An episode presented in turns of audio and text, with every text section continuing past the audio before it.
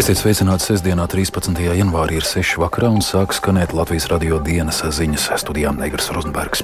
Daži temati, kas izskanēs turpmākajās minūtēs - Krievija uz Ukrainu izšausi 40 raķetes un dronus, Kijavā ieradies jaunais Francijas ārlietu ministrs. Zaķu salā šokar notiek 1991. gada barikāžu aizstāvju atceres pasākums.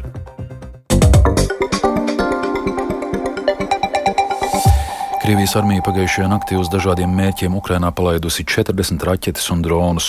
Ukrainas pretgaisa aizsardzības sistēma notriekusi 8 objektus, bet vēl vairāk nekā 20 objekti elektromagnētiskās kardarbības rezultātā novirzīti no mērķiem. Tikmēr Kīvā šodien savā pirmajā ārvalstu vizītē kopš stāšanās amatā ieradies jaunais Francijas ārlietu ministrs Stefans Sežurns. Plašāk par notiekošo Ukrainā stāsta Rihards Plūme. Krievija triecienos naktī uz sestdienu izmantojusi 37 raķetes un 3 dronus šahedi. Par mērķi tika izvēlēti dažādi objekti plašā Ukrainas teritorijā. Raķetes tika notriektas apgabalos visā valstī, tostarp Poltavas, Dņipropetrovskas, Smeļņīckas, Černihivas apgabalos un citur. Dažviet nodarīti postījumi ēkām, bet sumu apgabalā cietusi kāda sieviete. Ukrainas gaisa spēki norāda, ka Krievu raķetes, kuras Maskava raksturo kā nepārspējamas, kļūst ar vien sliktākas un lido sazin kur. Tas gan nenozīmējot, ka tās nav bīstamas un nevar nodarīt postu.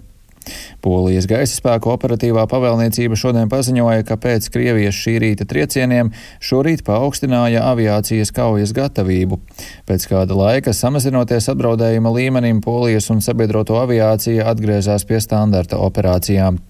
Pastiprinoties Krievijas gaisa triecieniem Ukrainā, Polija patruļām savā gaisa telpā nosūtījusi četrus iznīcinātājus F-16 un NATO degvielas uzpildes lidmašīnu. Tikmēr Kijevā šodien savā pirmajā ārvalstu vizītē kopš stāšanās amatā ieradies jaunais Francijas ārlietu ministrs Stefans Sežurns.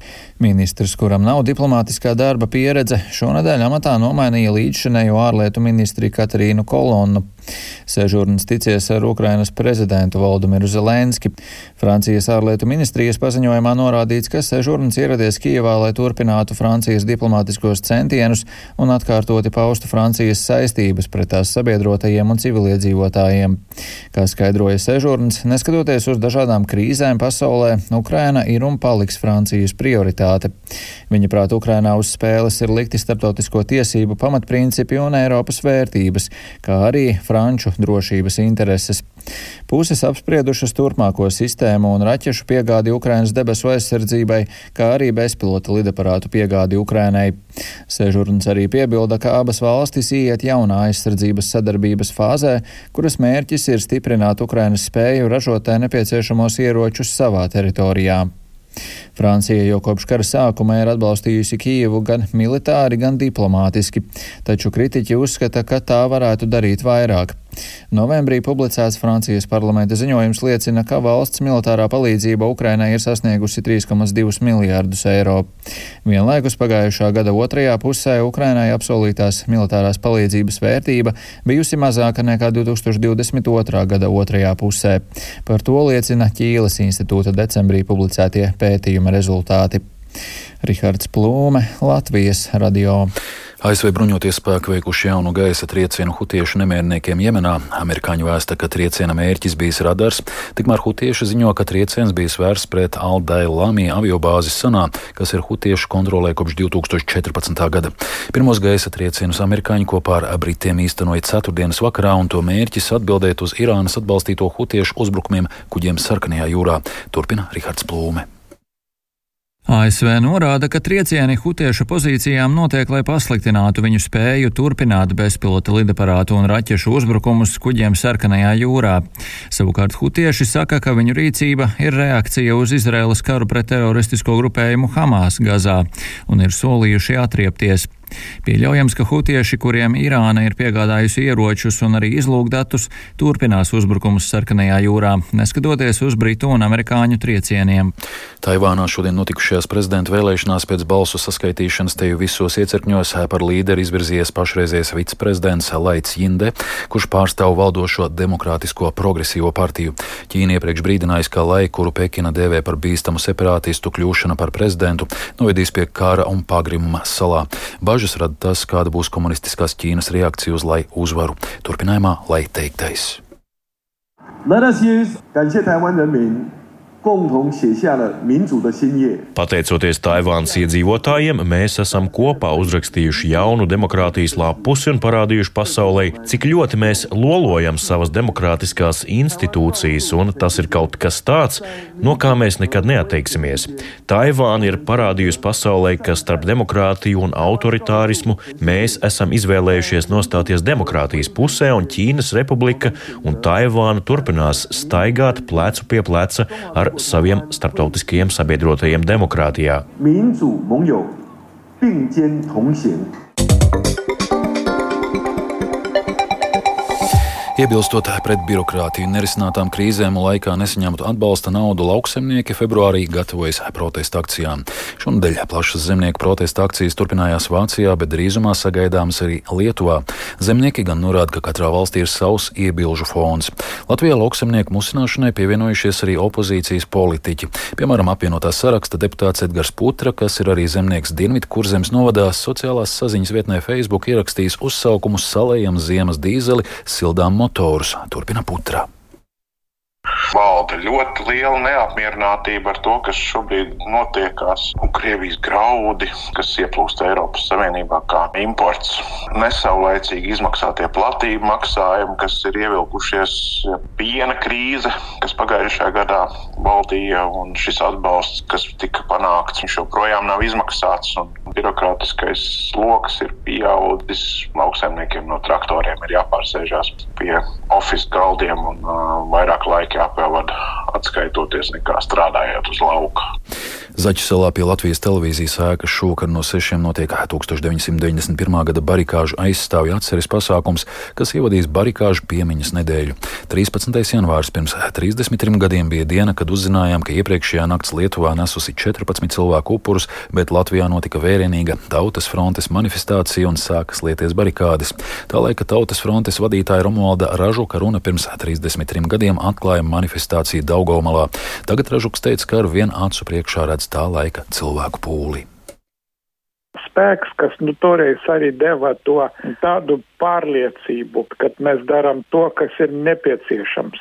Jo redziet, toreiz ne augstākā padome, ne ministru padome nebija tas, kas to lēmumu pieņemams. Mēs viņam neprasījām, jo cilvēku grība aizstāvēt uh, Latviju neatkarību bija tik milzīga, ko es cenšos skaidrot jaunākiem cilvēkiem, kā būtiski, ja mēs to esam spējuši izdarīt, tad, ja tas būs nepieciešams, jūs arī to spēsiet. Krievu valodīgo vidū Latvijā pieaug gatavība etniskiem konfliktiem, un tas rada bāžas. To Latvijas radio atzina Latvijas Universitātes socioloģijas pētnieks Mārtiņš Kaprāns. Iemesls esot jāmeklē ne tikai politiķu asijā retorikā par dažādiem etniskiem jautājumiem, bet arī sabiedrības komunikācijā. Pētnieks uzskata, ka valsts skaidrā politika, piemēram, latviešu valodas stiprināšanā, lai arī tā ir pareiza, tomēr nāk kā lavīna pēc 2022. gada. Tas kopā ar citām lietām sāsinot attieksmi pret krievu valodīgajiem. Tas, kas man dara visu laiku bažīgu, ir tā normalizēšana, ka kaut ko pasaka neglājumojošu vai aizskarošu par vietējiem krievlodīgiem. Tas vairs īpaši netiek uzskatīts, ka tas ir kaut kas ārkārtējs, ka tiek normalizēta šāda aizskaroša, citu etnisku grupu, citu kultūras grupu aizskaroša. No vienas puses, varētu teikt, labi, ka tas ir retorikas līmenī tikai. Bet jautājums ir, protams, cik ilgi tas kumulatīvais efekts var būt tāds, ka mēs uzkrājam, uzkrājam, uzkrājam, un vienā brīdī ir lūzuma punkts, ka otrai grupai tas ir par daudz. Latvijas un Baltijas labākā tenisiste Ļona Ostapenko šorīt Adlaidā izcīnījusi sezonas pirmo titulu. Viņa triumfējusi prestižā 500 punktu turnīrā. Ostapenko jauno gadu sākusi izcili, bet jau nākamnedēļ spēlēs Austrālijas atklātajā čempionātā. Vēl šodien latviešiem labi panākumi kamaniņu sportā, biatlonā, kalnu slēpošanā. Vairāk par visu stāsta Mārtiņš Kļavinieks. Ostapenko Adelaides turnīra finālā spēkojās ar krievieti Darju Kasatkinu, ko pārspēja stundas un 16 minūšu laikā ar 6-3 un 6-2. Pēc triumfa Adelaidā Ostapenko pateicās gan pretiniecei, gan savai treneru komandai. Hello, good evening. Uh, first of all, I would like to congratulate Daria for a great week. Sveiki, labvakar! Vispirms vēlos apsveikt Dāriju ar lielisku nedēļu šajā turnīrā.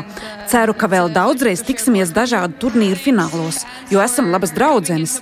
Milzīgs paldies līdzjūtējiem, kas mani atbalstīja visu nedēļu. Bija vairāki sarežģīti mači, tur jūsu atbalsts ārkārtīgi palīdzēja. Paldies fināla paaugstinājuma tiesnesim. Kā jau Dārija sacīja, ar mums nav viegli, jo reizēm ļoti sadusmojamies uz jums. Paldies arī bumbiņu padevējiem un visiem pārējiem, kas lika te justies gaidītām. Protams, paldies manai komandai. Ar mani nav viegli, bet es esmu ļoti pateicīga, ka man esat. It's not always easy with me, but I'm really grateful to have you.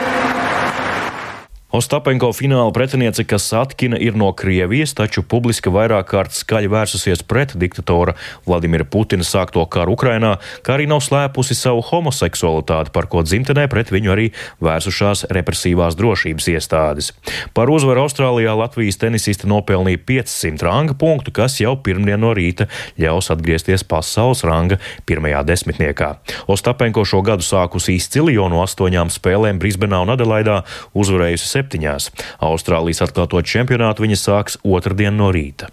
Vēl šodien kamaniņu sporta divnieku ekipāža Mārtiņš Bots Roberts Plūme Iglasas trasē izcīnījis sudraba medaļas Eiropas čempionātā. Sieviešu divnieku konkurencē par Eiropas meistaru sacīkšu bronzas laureātēm kļuva Marta robežniece Kitī Bogdānova.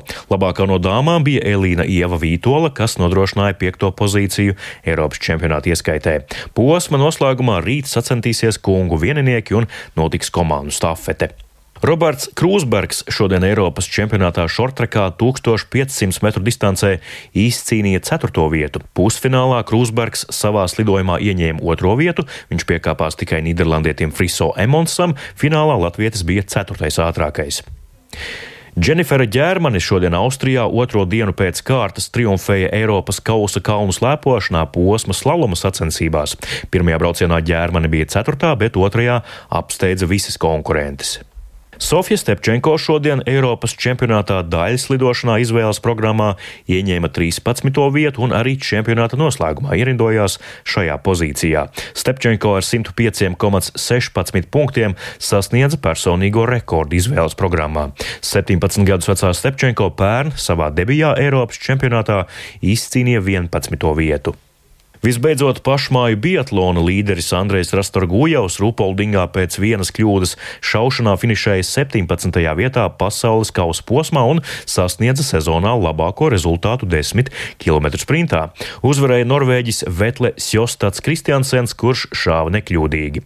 No pārējiem latviešiem Renārs Birkentāls ieguva 37. vietu, nopelnīja ieskaitas punktus kopvērtējumā un kvalificējās rīt paredzētajai iedzīšanai, bet Edgars Mise šoreiz sasniedz sasniedz 86. pozīciju. Mārtiņš Kļavnieks Latvijas radio.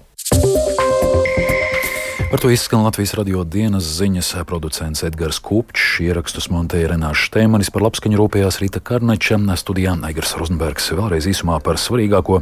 Krievija uz Ukrainu izšausi 40 raķetes un dronus. Kīvā ieradies jaunais Francijas ārlietu ministrs. ASV bruņoties spēki veikuši jaunu gaisa triecienu hutiešu nemierniekiem Jemenā.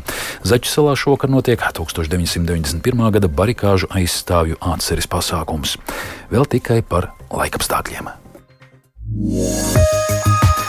Galvaspilsētas centrā mīnus 10 grādi lēns dienvidu vējš, atmosfēras spiediens 757 mm, relatīvais gaisa mitrums 83%.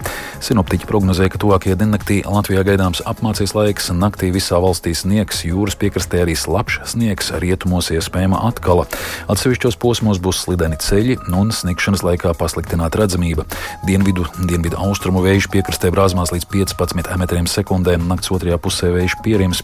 Gaisa temperatūra Temperatūra naktas sākumā - minus 3, minus 8, austrumos - minus 9, minus 14 grādi. Nakts gaitā tā paaugstināsies. Rīt arī visā Latvijā sniegs, rietumos arī slapjš sniegs, iespējama atkala. Atsevišķos posmos būs slideni ceļi. Dienvidu, dienvidu austrumu vējš, priekšpusdienā rietumos jau lēns rietumu vējš. Gaisa temperatūra plus 2, minus 3, austrumos minus 4, minus 9 grādi. Rīgā arī būs apmācies laiks, brīžiem sniks, mērens dienvidu, dienvidu austrumu vējš brāzmās līdz 15 metriem sekundē. No nakts otrās puses vējš pierims, gaisa temperatūra naktī - 6,7, rītdienā - 3,4 grādi, laika prognoze otrā labvēlīga.